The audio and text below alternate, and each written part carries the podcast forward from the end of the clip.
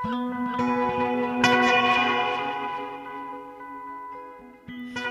og sæl, kæru hlustundur.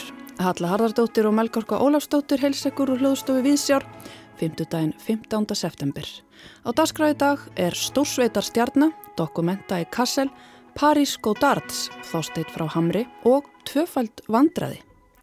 Stórsveit Reykjavíkur fagnar 30 ára starfsamali á árinu og býður til tónleika af því tilefni í Elborgarsal hörpu um helgina.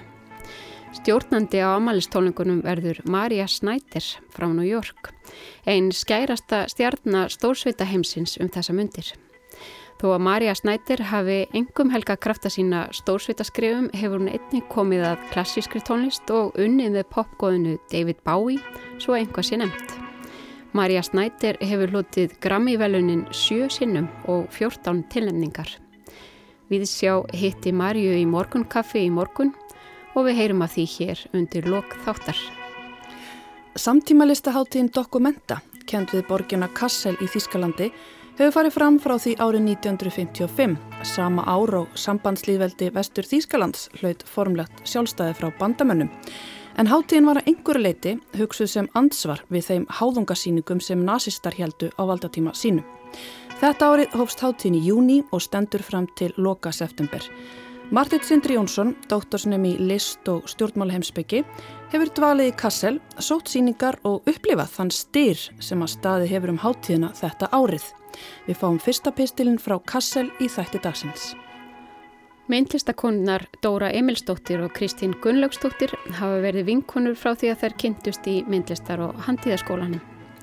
Þær hafa allatíð síðan átt ríkt samtal um listina En þá er ekki fyrir en COVID skalla á sem samtalið varðað samstarfi. Er ákvaðu að mála saman portréttmyndir, verkefni sem þær hófu undir áhrifum frá sinni uppáhaldslistakonu og fyrir en varði voru portréttin orðin 129. Þau eru til sínis í listval á Granda og þangað höldum við í dag. En við byrjum í heimi kvikmyndalistarinnar. Jean-Luc Godard, maðurinn sem að tók þátt í að umbreyta kvikmyndalistinni um miðja síðustu öld, fjall frá í vikunni, 91 á skamall. Tímamótaverkið Breathless frá 1960 var eitt af verkunum sem að ítti frönsku nýbylgin af stað en Godard hætti aldrei, alla sína starfsafi, að íta við hefðinni og gera tilrunir með formið. Óskar Arnósson, arkitekt og arkitektúr sagfræðingur, tekur nú við. Devenir immortel, et puis mourir. Devenir immortel et puis mourir. Að verða ódöðlegur og deyja svo. Með þessum orðum hefjast þúsundir pistla og minningagreina sem skrifaðir eru í tilöfni andláts kvikmyndalegsjónas Jean-Luc Godard sem lést á þriðuta síðasliðin. Þar er vitna til viðtal sem ungu bladamadur, leikinn af Jane Seberg, tekur við tilgerðarlegan rithöfund, leikinn af leikstjóranum og stríðshetjunni Jean-Pierre Melville átrúnaða góði Goddards í kvikmyndagerð, í frumraun Goddards í fullri lengd frá 1960, að búttu súfr sem hefur verið þýtt sem lavmóð á íslensku. Það er ótrúlegt hversu margar það voru típunar sem voru með þessi orð vistuð í drafts í Twitter á símanu sínum, býðandi þess dags sem Goddard gæfi loksins upp öndina. Sem hann síðan gerði á þriðudaginn, að því er virðist eftir sinni eigin hönnuðu atbyrðarás en Goddard dó líknar döða í Sviss að verða ódöðlegur og deyja svo. Ég er sem sagt líka búin að gera segur um að hefja pistil um Jean-Luc Godard og verk hans með þessum orðum. Ég ætla ekki að ræða persónu Godards sérstaklega, ég lætt kvikmynda sérfræðingum það, til dæmis Vidar Víkingsson, sem var viðmælandi lestarinnar daginn sem að Godard lést. Í stað þess langar mig að ræða um hann út frá sjónarhóli Arkitekts sem hefur séð tvær eða þrjár myndir eftir hann og veit tvo eða þrjá hluti um hann. Tvær af þeim myndum eru myndirna Love Moth og tveir eða þrý hlutir sem ég veit um hana frá 1967. Myndir sem ég hafði séð tvísvar eða þrísvar áður og ég horfi á með nokkrum nemyndum í arkitektúrlista áskólans kvöldið eftir að Godard lést. Vil ég eigna þeim allar þær hugmyndir sem hér koma fram, en allar villurnar er aftur á móti mínar eigin. Margraðinin í titli Godards, tveir eða þrý hlutir sem ég veit um hana, byrjar á titlinum. Hvað þýðir að vita eitthvað um einhvern?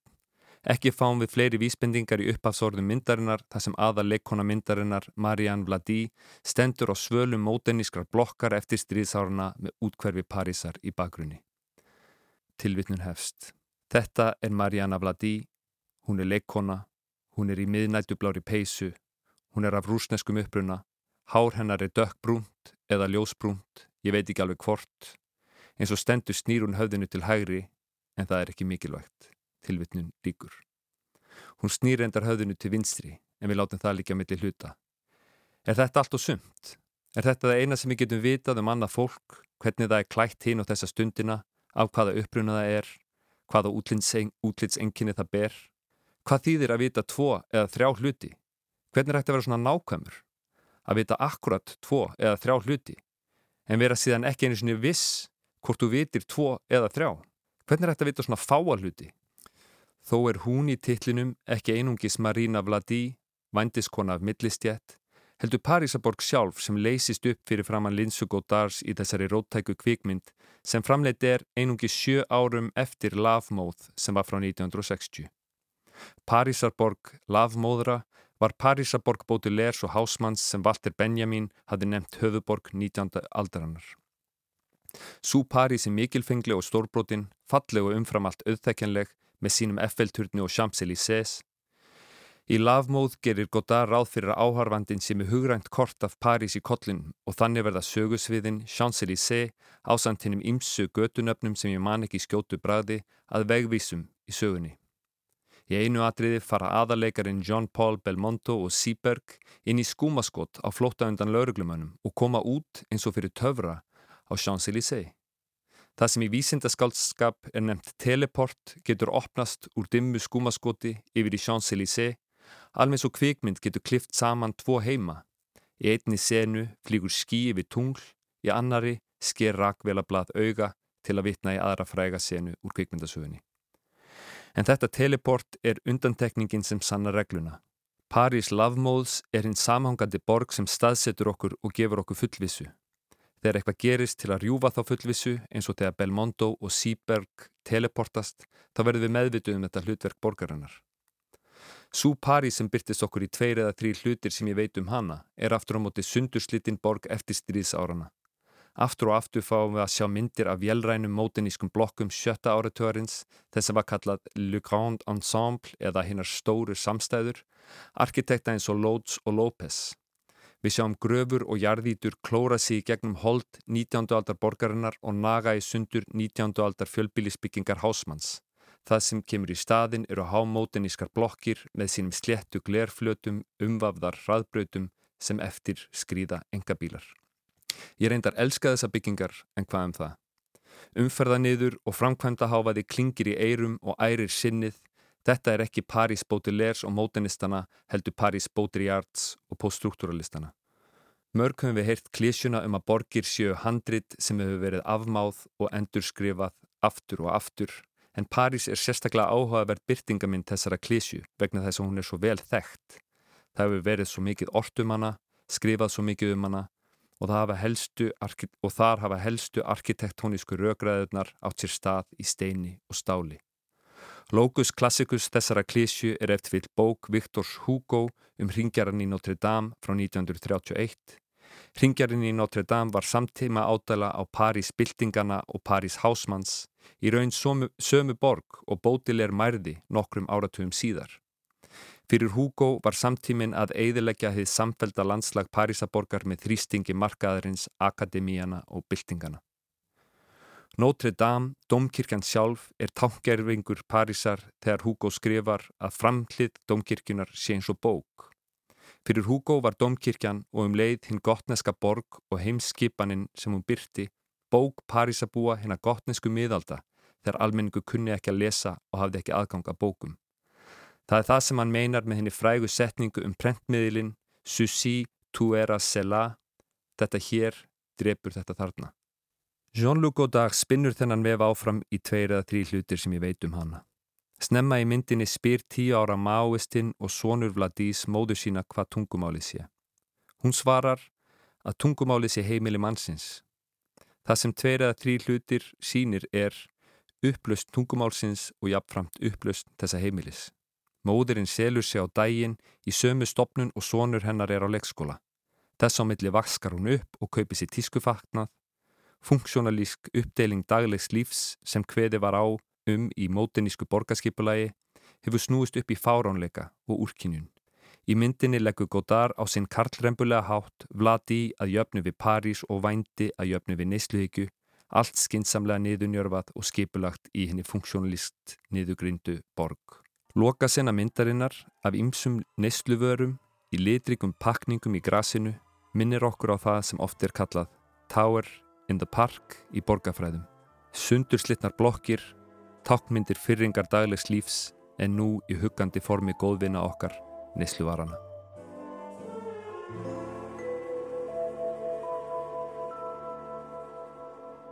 Hugleðingar um Parísarborg með augum Godards. Það var Óskar Arnórsson sem flutti. En þá höldum við út á Granda. Myndlistakonurnar Dóra Emilsdóttir og Kristín Gunnlósdóttir opniðu síninguna Double Trouble á dögunum í Listval. Og þar hitti ég þær stöllur í vikunni. Double Trouble. Er mikið vesin á okkur eða? Hva, hvað er hér að segja þið? Út af tillinu Double já, Trouble. Já. Um, já, vonandi. Ég stakk upp á það einhver tíma við Dóra við ættum að hafa nafn yfir dúóið, svona samfunnuverkefnið og hvað ég var heita galaði ég inn og hún galaði móti Double Trouble, bara innan sama andadráttar. Mér finnst það alveg frábært. Svo er þetta svolítið eh, þekkt í unglingakultúrnum og svona við erum nokkrum árum á eftir með þetta sem er bara mjög hæfilegt að því við erum miðaldra og, og finnst við bara alveg vera með þetta. Mm -hmm. Hvernig kynntust þið? Við kynntust í, í skólanum MHI í málardildinni. Já. Fyrir nokkrum áru síðan? Fyrir svolítið mörgum áru síðan. Ég man ekki hvað er ártalið. Kristín? Við útskriðumst 1987 maður segi 1900, yeah. pælið því yeah. þannig að þetta er orðin löngvinnáta og, og dýrmætt, þannig við þekkjum vel inn á hver aðra hvernig hinn vinnur og, og við hlæjum mikið saman og, og treystum hver annari þannig að í vinnunni hefur þetta alveg skilað sér og verið eiginlega, eða ef ég segi frá sjálfur mér þá myndi Dóra sjálfsagt vera eina fáum sem ég geti treyst mér að vinna með sérstaklega mála að því ég veit að ég má halda áfram að gera allt sem ég vil og hérna mér finnst hún frábær í því sem hún er að gera og hún myndi alltaf koma með eitthvað skemmtilegt innlegg og retta mér fyrir hodn og svo kannski myndi hún taka því vel ef ég væri að hamast í hennadóti Og líka ég held að við séum svolítið skemmtilega ólíkar samt þó við séum mjög kannski tengdar á eitthvað nátt og mér finnst það kannski eitthvað sem við vorum að challengera líka að við erum að gera ofta ólíkt en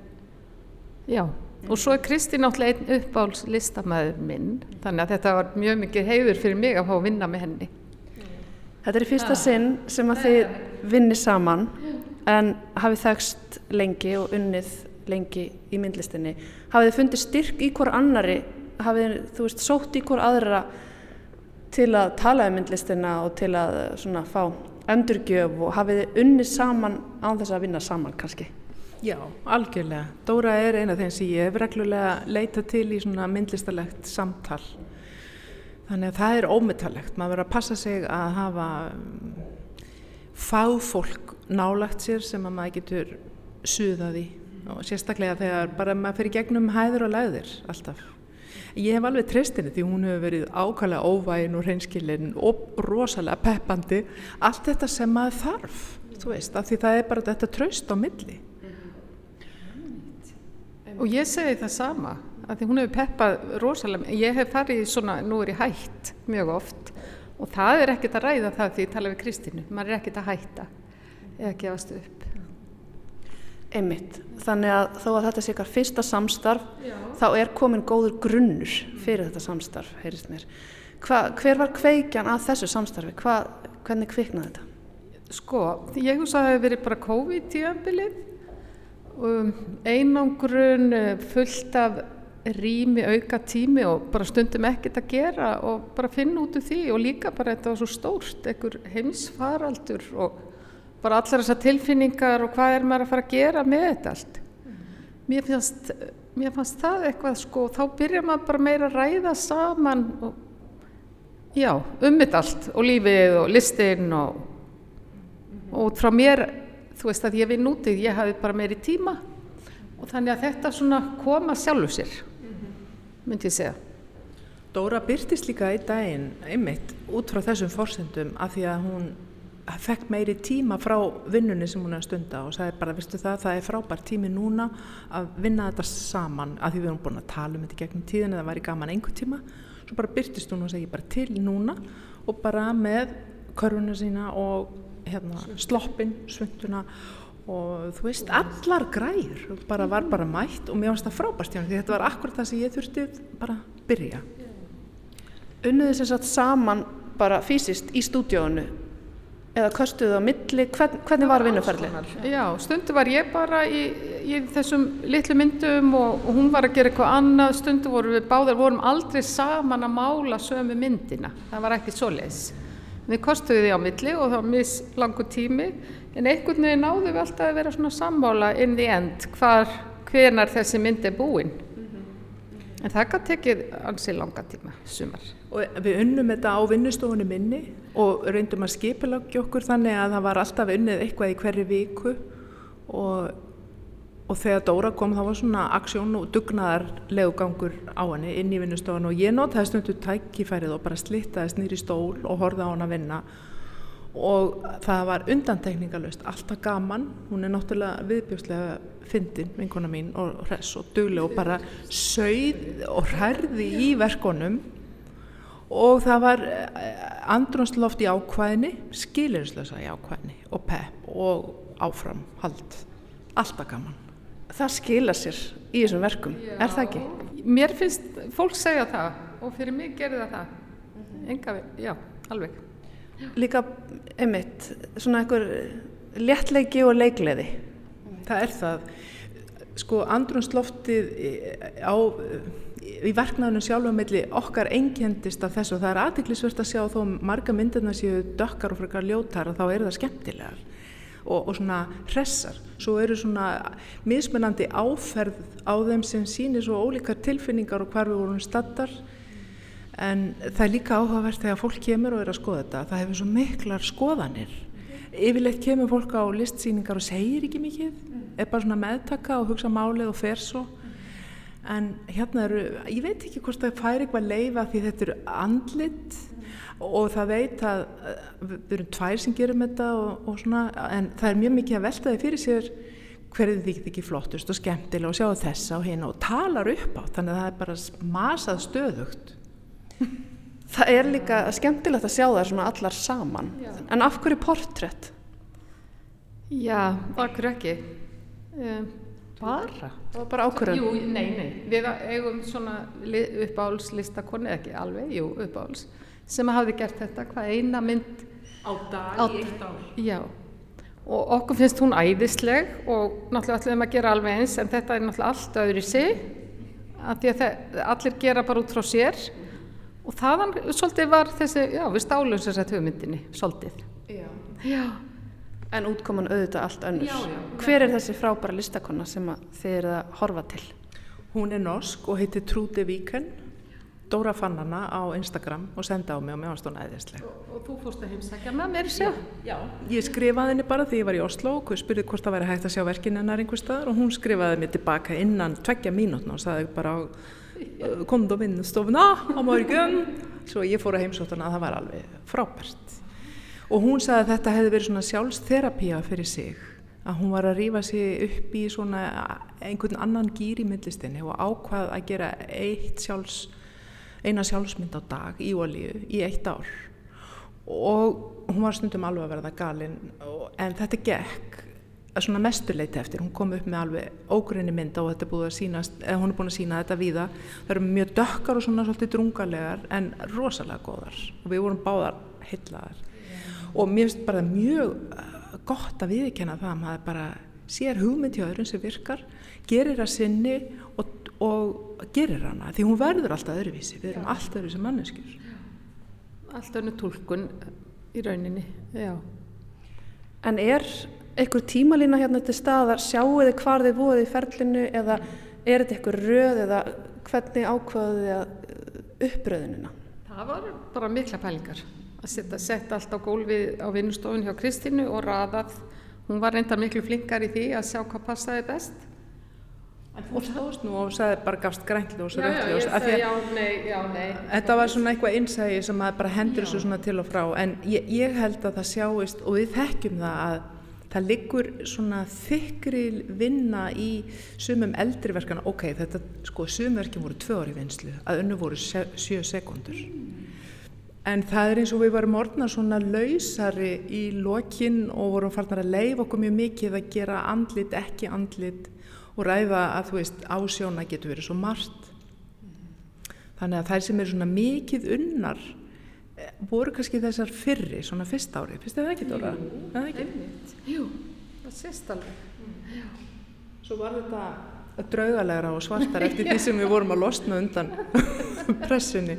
En við vorum ákveðnar sem sagt í því frá upphafi að raða þeim öllum svona þjætt saman og mynda eitt stórt verk úr 128 uh, litlum portréttum og bæta hérna stórum portréttum bara við á móti til að svona nýta rýmið en auðvitað var aðal vinnan í þessum litlu og, og gaman að mynda þetta off-flæði sem nýtur sér svona vel í fallegu rými, passar inn í rýmið. Já, já. Og svo snemma ákvaðið rýmið líka. Það náttúrulega skiptir mjög miklu máli. Að fá þetta fallega rými hérna Hólmaslóð.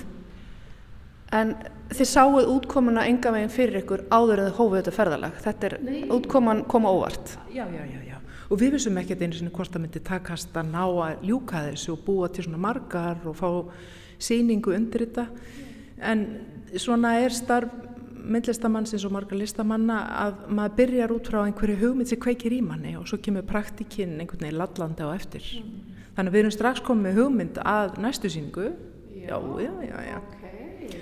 Spennandi. Takk innilega Kristín og Dóra fyrir að taka á móti mér hérna og til hamngi með þennan samverknað og þessa leikleði og gangi ykkur vel með næsta verkefni.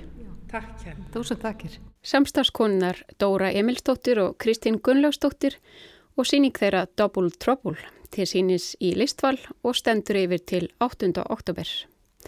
En þá yfir í bókmentir. Næstkomandi laugardag, þann 17. september, fyrir fram málþing um skaldið Þorstein frá Hamri í Hátíðarsal Háskóla Íslands. Þar munu 11 fyrirlesarar, rittöfundar og fræðimenn fjalla um framlag Þorsteins til íslenskrar tungu, bókmenta og þjóðlegra fræða. Við skulum heyra brot úr viðtali frá því mars 2018 þegar Þorstein hefði orðið áttræður. Viðtalið tók Eiríkur Guðmundsson við Viestein Ólason, fyrirverandi forstuðumann stopnunar Árna Magnússonar í íslenskum fræðum. Viestein er einmitt einn fyrirlesara á laugardag og nefnist erindi hans, Þorstein frá Hamri, ímynd og áhrif fyrir hálfri öld. Í þessu broti heyrum við Viestein ræða það samengi sem að Þorstein gengur inn í sem ungt löðskáld.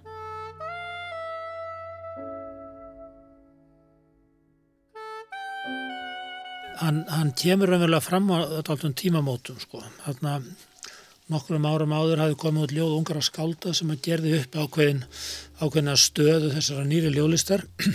Það hafi verið alls konar svona hugmyndarfræðilega átökum ljóðlistina, frægir, frægir fundir í hérna í, Reykjavík sem að við í sveitin lásum um í útastíðundur sem Jónur Vörrið styrði og, þannig að það var til að verða olga í þessu og en þetta var að vissu leitu um gargengið. Þorstein kemur svolítið svona eins og, eins og nýr og ákveðir hreitninni þetta. Hann er með náttúrulega mjög trösta rætur í hefðinni og greinilega fullkomið valda á að yrkja hefðbundið ef honum sýnir svo en, en engan hátt bundin að því. Og, og yrkir ímist nokkuð hefðbundi ljóð. Hann minnir að sömu leiti á í afstöðsum til formsins á skáldin svo ég snorra á Hannes Pétursson en hefur samt alveg sterka rödd, hann er svona þjóðfélagslega rótækari strax og, og þeim árum. Og það er náttúrulega, hann, hann fer strax eða svo má segja þá fyltingu, ég er mjög hugfangin af eða það leita mjög fast á hann e, þau þjóðfélagslegu vandamál og alþjóðlegu vandamál sem eru uppi, Vietnamstríðið er náttúrulega í gangi og, og alls konar átökmiðli heimsvaldastefnu og kommunismu og svo leiðis og Hann skrifaði aldrei neinn prógramljóð eða neinar þannig pólitískar yfirlýsingar en það var alltaf hægt að skinja þetta og kannski meir en öll önnur skál þá kom ákveðlega stert fram hjá honum þessi já, ákveðið samvisku bit eða sektar kendi yfir því að gera ekki eitthvað, gera ekki eitthvað meira.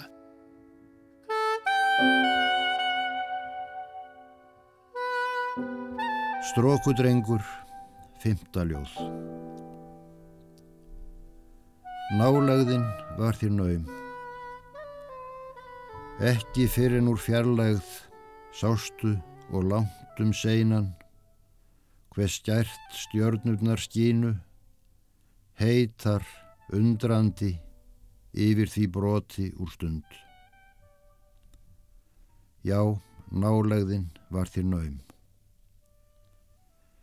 Ekki fyrir núr fjarlægð var augljóst, jafnvelum of, hver stundarkorn þetta laud strángri skipan, staðfestri þá, bak við árin, verður aldrei vegamót hér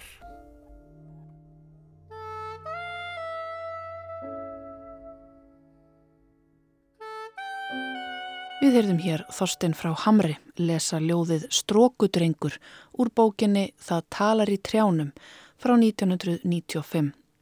Þar áður heyrðum við brotur viðtali við Viestin Ólason sem verður einmitt einn fyrirlesara á Málþingi sem haldið er um skaldið á laugardag í Háttíðarsal Háskóla Íslands. Þingið hefst klukkan 10 og líkur 5 og aðgangur er ókepis. Já, þétt dasgrá um Þorstein frá Hamri á laugardag. En dasgráin er líka þétt á fimmæringunum í Kassel. Við tökum nú stefnuna til Þýskalands. Marteit Sindri Jónsson, doktorsnemi í list og stjórnmálaheimsbyggi, hefur dvalið undanfarið í Kassel og hann tekur nú við. Dokumenta, einn stærsta samtíma listaháttið í heimi, fer fram í Kassel í Þýskalandi dagana 18. júni til 25. september á þessu ári undir síningastjórn listahópsins Rúan Grúpa frá Jakarta. Er það í fyrsta sinn í sögu háttíðarna sem hópur starfandi listamanna taka sér síningastjórnina. Segja má að tilgangur síningarnar þessu sinni sé að koma á lakirnar því sem síningarstjórnir nefna ekosystem eða vistkerfi, fjölþjóðlegs hóps, listahópa og kollektífa. Það skal getið að hugtæki sem umræðir er umritað indonesíst tökuorð, ritað EKOSESTM en ekki enska hugtækið ECOSSTEM. Raunar er mikið af orðaforðasýningarnar fengin úr indonesísku. Til dæmis er fjölmiðlamiðstöðin í miðbæ Kassel þar sem þessi texti fætist einfallega kölluð Varung Kopi en orðum merkir kaffihús í indonesísku. Þó skal árétta að röðminn hljómar að þessu sinna ekki frá Þýskalandi heldur úr litlu og hugulugu hótelherbyggi í Lundi í Svíþjóð þar sem ég sæki árlega ráðstefnu Evróskra listfélagsfræðinga á næstu dögum. En ef við víkjum aftur á orðaforða dokumentasýningarnar þá ber sérstaklega nefna hugtækið lumbung sem er algeng bygging víða um indoneska eiganklassan, einhvers konar hlaða sem geymir hrískrónuforða í samfélagsleiri samegn þar sem hver og einn meðlum samfélagsins leggur til umfram uppskeru af ökrum sínum sem síðan er deilt aftur tilbaka eftir þörfum hvers og eins. Sýningustjórnir hafa tekið sér lúmbung til fyrirmyndar og ætla þeim auðlindum sem sapna saman á sýningu sem þessari, ekki aðeins fjármagni heldur jáfnframt vinnuafli, hugmyndum, listaverkum, tengslanit og tíma, svo einhvers ég nefnt, að dreifast eftir þörfum á millið þeirra hátt í 1700 listamanna sem taka þátt að þessu sinni. Sobat Sobat, annað indonesíst orð í orðaforðasýningarnar, merkir einfallega vinur og vísar það sérstaklega til þeirra hátt í 150 starfsmanna sem leiða gesti um einhverja af þeim 32 síningastöðum sem dreiftur um Kassel. Þó banta þurfi slíkar sínisferðir sérstaklega og greiða fyrir þeir, þá er hlutverk Sobat Sobat að miðla persónulegri sínsinni og þekking og síningunni og vika þannig enn frekar út vistkerfi háttíðarnar á grundvelli vinóttunar sem er ennfremur í húfi í einu helsta slagorði hátíðarnar Make Friends, Not Art, búið til vini, ekki list. Fimmæringurinn Dokumenta sem hóð göngu sín árið 1955 er meðal helstu listastofnana Þískalands. Sama ár hlaut sambandslýðveldi Vestur Þískalands formlegt sjálfstæði frá bandamönnum og gekk í NATO. Sýningunni, sem drefur vissan dám af heimsýningum 19. aldar, var ekki sístallega hveði kútin háðungarsýningar þær sem nazistar heldu á valdatíma sínum. Fyrstu síningarstjórnir, Arnold Bóte og Werner Haftmann ætluðu sér að endurvekja tengsl þjóðverða við nútímalist og lapp upp á ímynd Þýskaland sem menningarþjóðar meðal menningarþjóða í samtíma eftirstrís árana. Staðsetning hátíðarnir í Kassel, aðeins 30 km frá fyrrum landamærum sambandslíðveldisins í vestri og þýska alþjóðlíðveldisins í austri, var engin tilvílun. Þverst á móti var síningun ekki aðeins alltaf að draga þjóðverja begjögn á landamærarna, heldur jafnframt að halda á lofti gildum vesturlanda, andspænis kommunismannum austan megin. Þetta mikilvæga hugmyndafræðilega hlutverk hátíðarnar byrtist meðal hans í listrætni áherslu fyrstu síningastjórun á óhlutbundna list sem alþjóðlegt tungumál frelsis, anspænist í félagslega raunsægi sem kommunísk stjórnvöld austar í álfunni kölluð eftir á sama tíma. Slík menningapólitík kann að hljóma kunnulega og er til að mynda í brennudepli í umfjöllun Haugs Ingvarssonar í bókinni Fulltrúið þess besta í banderískri menningu sem kom út um síðustu jól á fjallarum komu rittöfundarins Williams Faulkners til Íslands 1955 einmitt sama ár og fyrsta dokumentaháttíðin fór fram.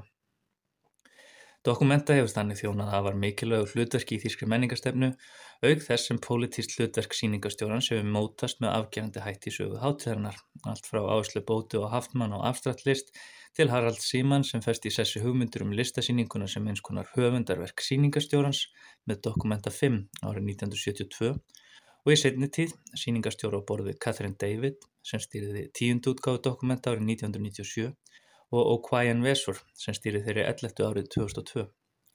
Hvort um sig endur skilgrindi hlutverk hátíðarnar með tilliti til nattvæðingar síðustu aldar, endurskoðunar á áhrifum nýlandustefnu, Evrópu og Vesturlanda meðjarar listasögu, uppruna þeirra listamanna sem framkoma hátíðinni sem og framsetningu og ásýnd þess heims sem dreinur upp myndaf á slíkum viðbörðum. Sýningarstjórnir sem nú taka við keflinu Ate Darmawan, Ajeng Nurul Aini, Daniela Fitria Praptono, Farid Rakun, Indra Meng, Iswanto Hartono, Júlia Sari Setjati, Mirwan Andan og Reza Afesina eru öll meðlemið í sama listahópi og var sáháttur hafður á að í stað þess að allir sem framkom á síningunni séu handvaldir og jafnvel beðnir um að framlega verk sérstaklega fyrir síninguna var látið búið ganga til 14 annara listahópa eða kollektífa frá ólíkum stöðum í heiminum. Þessum hópum var útlutað úr sæmilum sjóðum og þeir beðnir um að láta búið ganga áfram til ennannara listahópa, vinna og kunningja sem hefðu áhuga á að taka þátt í hátíðinni. En fremur var lögð áhersla á að fólk þyrti ekki að framlega ný verk til að koma fram á hátíðinni, heldur fremur að finna útfæslu eða þýðingu á þeirri starfsemi sem þegar færi fram á hverjum stað fyrir sig. Flestir eiga þáttakandi nefnilega sameiginlegt að vera með einum eða öðrum hætti uppteknir af félagslegu eða pólitísku gildi liskupunar sinnar í ákveðnu landfræðilegu og menningulegu samengi fjari kassel og umfram þá hundra daga sem hátíðin fer fram.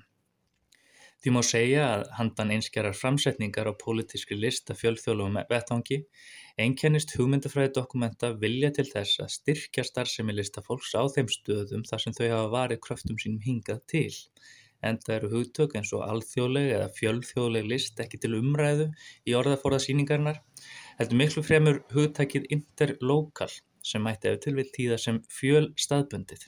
Þó dokumenta farið fram fyrir sjónum almennings dagana 18. júni til 25. september í Kassil í Þýskalandi, þá er henn ætlað að hafa áhrif mun víðar og mun lengur. Að því sögðu, þá er nálgun síningastjórn í Kassel einnig kyrfilega staðbundin. Svo virðist sem mikið sé lagt upp úr því að leggja rækt við samfélagið í borginni, ekki síst jaðarsetta hópa og listræna græsótastarfsemi. Auk þess hefur hluti hópsins verið í Kassel allt frá hannu 2020 og ég heimsótti eittra reysa að fyrir sína í júni á síðast ári í miðstöð síningarinnar hinn svo kallaða Rúrúhás. Þá þegar hafði reysa og fjölskylda hans setið að sér COVID-faraldurinn og unnaði því að styrkja staðbundin tengsl hátíðarnar. Og þó flestir sýningarstjórar og listamenn yfirgefi Kassel næstu vikum, þá mun reysa meðal annara hald út í starfsemi Rúrúhás í það minsta út árið 2023. Sýningin hefur verið mikið á milli tannana á þýskum fjölmjölum og almenningi frá því hún opnaði vegna antisemitisks myndmáls í einu verka aðgerðalistahópsins Taring Pati sem barðist gegn harnesku herfóringjastjórnar svo Hartus sem held indonesku samfélagi og menningarlífi í heljagripum allt fram til ársins 1998 sem og tilrauna til ritskoðunar á sýningum listahópsins Subversive Film á áróðurskveikmyndum frá 7., 8. og 9. áratug síðustu aldar þar sem haldið er á lofti málstað palestínumanna en myndirnar fundust í Tókjó í Japan fyrir nokkrum árum. Mér gefst ekki tóm að þessu sinni til að rýna þá málavexti alla og þau ólíku sjónamið sem fram hafa komið um atvikin sem umræðir en ég hvet áhersama til að kynna sér málið og mun drepa á efninu í pisli mínum í næstu viku. Í pislinum þar á eftir mun ég síðan leitast við að framkalla einhvers konar hljóðmynd að þessari gríðarlega umfangsmeklu menningarframleyslu sem er í raun aðeins að litlum hluta sínileg í þeim verkum sem gestur og gangandi virða fyrir sér þessa dagan í Kassel.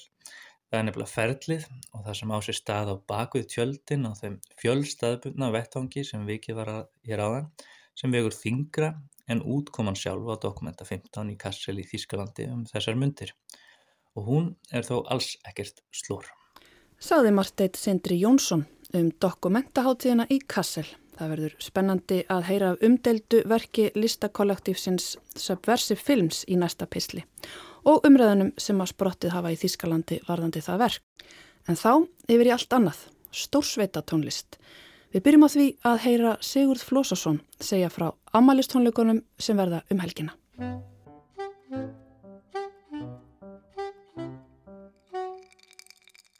Já, þetta er náttúrulega bara ammælist fagnaður og við hérna gefum okkur sjálfum þá gefa að vinna með þessari storkusluðu konu, Maríu Snæder og svo gefum við þjóðinni þá gefa að koma að hlusta á þetta. Já, ammælist darkráin er sem sagt uh, tónlist eftir þessa konu, Maríu Snæder sem er algjörlega á toppinum í þessum bransa í heiminum í dag. Hún er ekki bara drotning Big Band heimsins, heldur eða kongur og keisari líka, hún er hún er bara algjörlega frábær, hún er magna tónskáld, hún er marg velönuð uh, hún er margkvældu grammi velunarhefi og, og heiðustoktor við einhvern háskóla og floti fullt af velunum uh, djastímareita og svo framvegs og framvegs þannig að það er bara hægt að segja að hennar tónlist er alveg mögnu, þetta er auðvitað nútímaleg djastónlist en hún er áherileg og heillandi og ég held að allir geti haft gaman af henni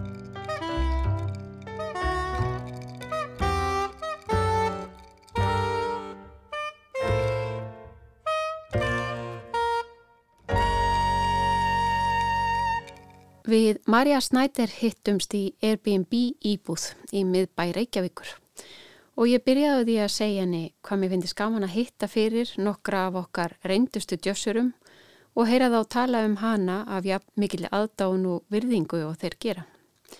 Í djassinu á Íslandi, eins og við annar staðar, hefðu karlmenn lengst að verði í miklu meiruluta og mér að vitandi eru í dag aðeins karlmenn í stórsveit Reykjavíkur. Ég var þess að forvitin að vita hvernig það hefði verið fyrir Marju að ná svona langt í þessari senu.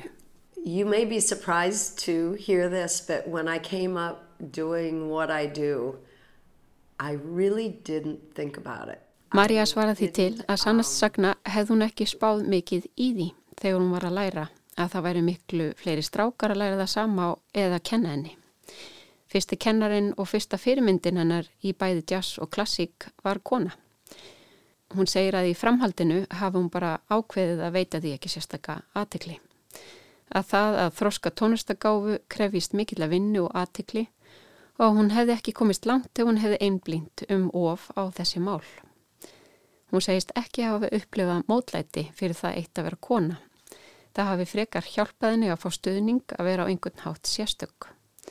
Kanski hefði það líka hjálpað að hún er fyrst og fremst tónskáld en ekki hljófarleikari. Either I ignored it or it really wasn't a problem for me but I'm happy to say that I just did what I did.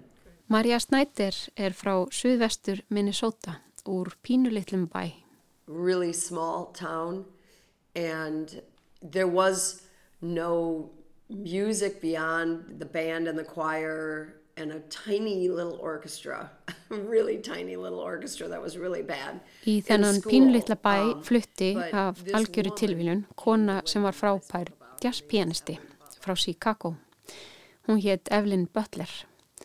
Marja lýsi því þegar Evelyn settist niður við pianoið í Amalisveistlu pappainnar þegar Marja var fimm ára. Hún man þessa stund eins og hún hefði gæst í gær. Þarna réðust örlög hennar.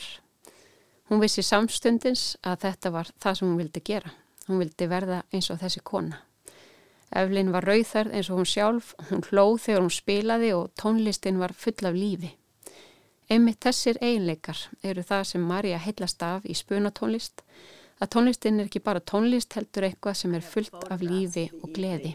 And it's like my life just, that was it. I said, I want that, I want to be her. Í upphæfu ferilsins starfaði Marja sem aðstofakona píjánuleikarans og tónskáldsins Jill Evans. Hún segist að hafa lært mikið af því samstarfi. Að Jill Evans hafi lagt það í sinn vana að treysta á fólk og hafa trú á því og að mögulega hafi hann treyst henni fyrir ímsu sem hún var varla tilbúin fyrir. Samstarfsfólk Marju í gegnum tíðina hefur líst samstarfi við hana á sveipaðan hátt að hún miðli miklu trösti til þeirra.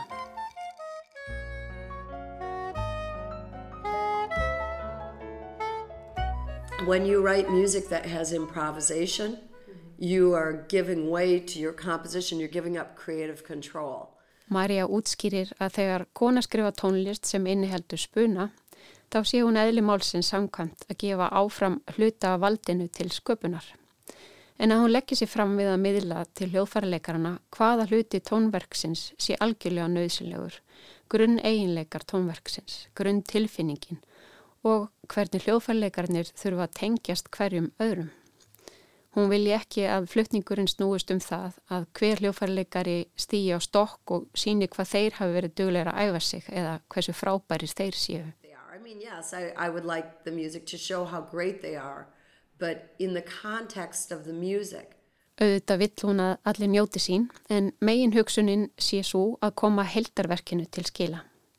Mikið af tónverkunum hennar séu eins og sagnagerð og til þess að sagan skilir sér til áherinda verði að skapa tröst.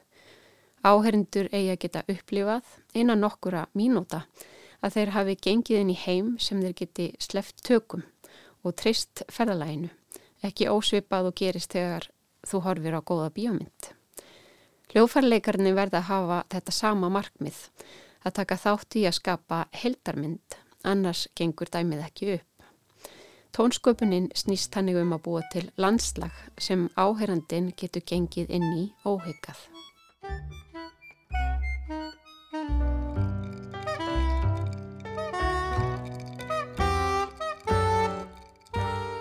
Ég spurði Marju hvað væri drivkrafturinn á bakvið það sem hún gerir. That's a good question. So I'm not I'm not a person who's just like, oh, I just want to make more music. You know? Marja segist ekki finna hjá sér þörf fyrir að framleiða bara endalust af tónlist. Hún segir að henni finnist erfitt að skrifa tónlist og oft upplifur hún innri mótstöð sem sé krefjandi að komast yfir en að þegar það takist þá verði einhvers konar flæði og klukkutímanir bara líði og hún gleimi hvaða var sem held aftur af henni. Marja segist fá mikið út úr því að komast að þennan stað. Liklarnir getur oft falist í einhverju einfaldri hugmynd eða hljóði sem fer svo eignast sitt eigið líf. Þá fer hennar vinna að snúast um eitthvað allt annað en hanna sjálfa.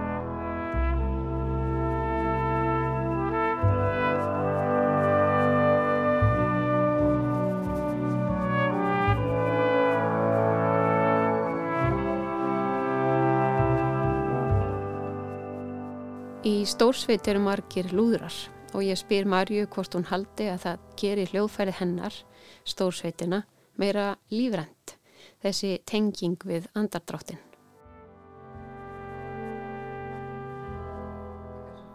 Wow, you have such good questions. You're, you're, you're an unusual, um, wow. Um, Well, I'll tell you what it makes difficult. Marja svaraði til að það að allir þurfa að anda búið til ákveðnar hvaðir á stórsveitina. Stórsveitin inniheldur málmblástu sljófæri og tríablástu sljófæri sem eru háð því að hljófærileikarinn andi og sláfi sljófæri sem líka séu takmarkuð hvað var þar lengt á nótum og bjóði ekki upp á sama óendanleika og til dæmis strengjasveit. Það hafi einmitt verið ástæðin fyrir því að hún bætti harmonikunum við hljómsveitina sína. Harmonikan bætir við krytti og miklu möguleikum og litum. Hún sé alltaf að leita að leiðum til þess að bæta við litróf hljómsveitarinnar.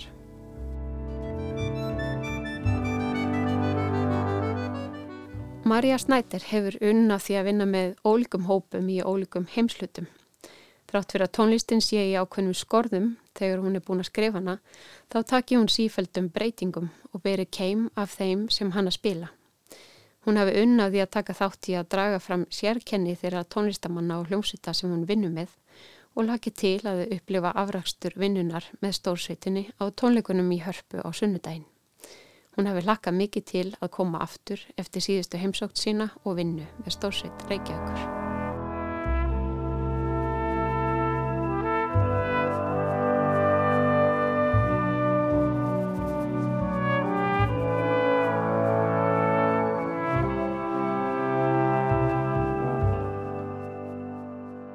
Marja telur mikilvægt að samfélag eins og á Íslandi eigi sér stórsveit.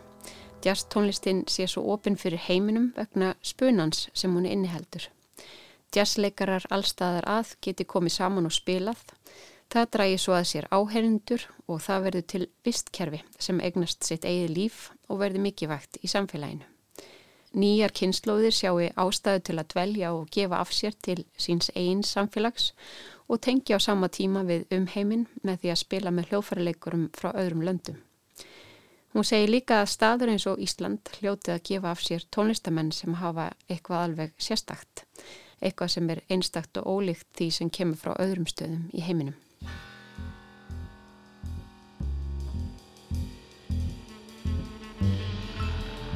Samtal okkar Marju fyrir að snúast um samstarf hennar við ótrúlega fjölbreyttan hóp listamanna. Þar á meðal er David Bowie. Hún segi mér að því þegar Bowie kom á tónleika hjá henni og hljómsveitinni hennar og í kjölfarið hafa hún fengið beinni frá aðstofakonu Bowie sem vildi kaupa af henni allar plötur sem hún hefði gefið út. Nokkur síðar hafði þessi sama konar samband og vildi þá koma á fundi þeirra Bowie með mögulegt samstarf í huga. And I said, so what do you want it to be like? He said, I want it to be really dark. And it didn't yet sound that dark to me. And I said, Well, what do you think it's about? And he said, I don't know, maybe vampires. And he had this like delighted look on his face. You know, he was.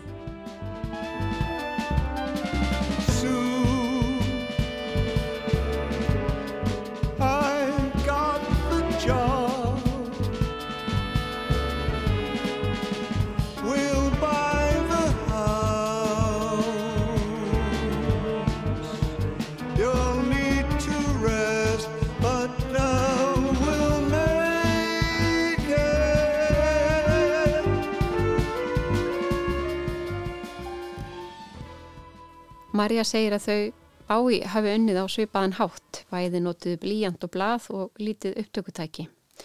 Og þau þróguðu samstarfið áfram með vinnu í stúdíó með nokkrum hljófarleikurum.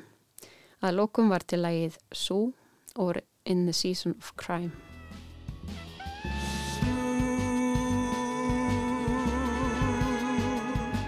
Marja segir að Bái hafi hrifnastur af tónlistinu sem hún gerði þegar hún var yngri. Svo tónlist var dekkri en það sem hún skrifar í dag.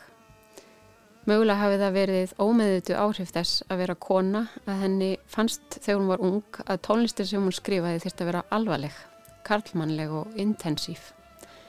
Hún segir að David Bowie hafi mynd sig á að myrkri geti líka verið skemmtilegt, að það þurfi ekki að vera alvarlegt og þúnt.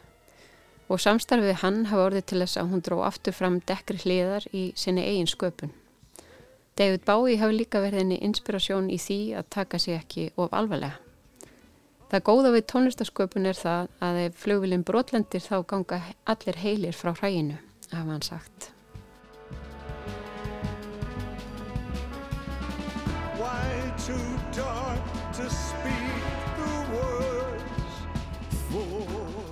Fyrr í þessu viðtali rættum við Marja Snæder um það að vera kona í enn frekar karlægum heimi jazzins. En hún hefur að einsökt tekið miklu stærri og erfiðar í slægi hvað var það réttindi tónlistamanna almennt framið fyrir stafrætni þróun og dreifingu tónlistar á internetinu og það sem hún kallar datalords.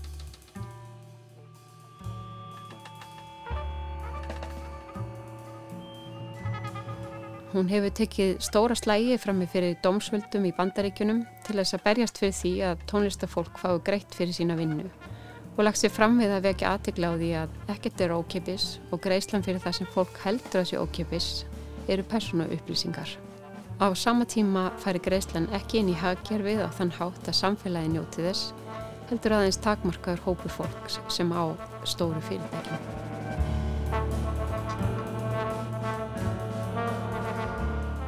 Plata Marju Snæder, Datalords, var skrifið undir áhrifum þessara pælinga.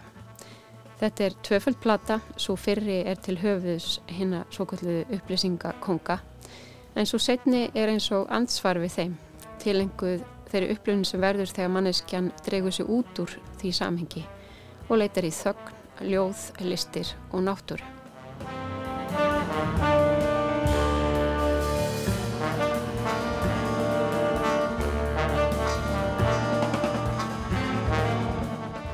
Marja Snæder segist sakna þeirra daga þegar fólk uppliði raunverulega þögn. Það geti verið óþægileg þögn og fólki jáfnveg leittist. En upp úr þessu rými hafi sprottið sköpun og þögnin var til þess að fólk fór að hugsa. Ímyndurnaflið sé sjálfsbrottið úr þessu rými. Það er leið til þess að brjóta af sér leiða.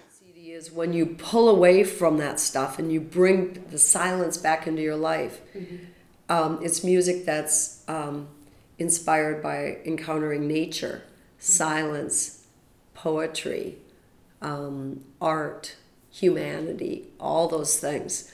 En Marja er í dag ekki sérlega bjart sín á það að manneskinni takist að dvelja í þögninni nægilega lengi, þó glitti í von.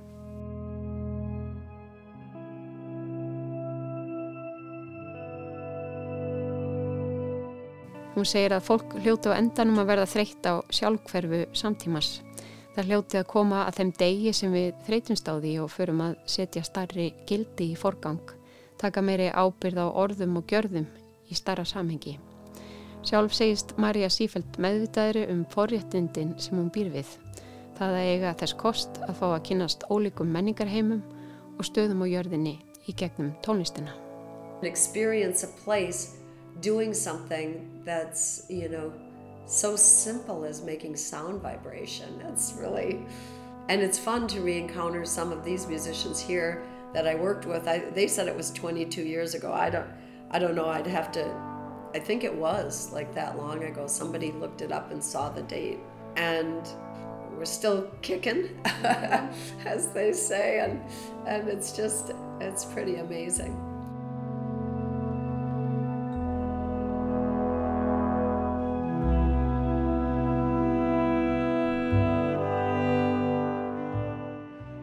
Á þessum orðum og tónum Marju Snæder ljókum við við sjá dagsins.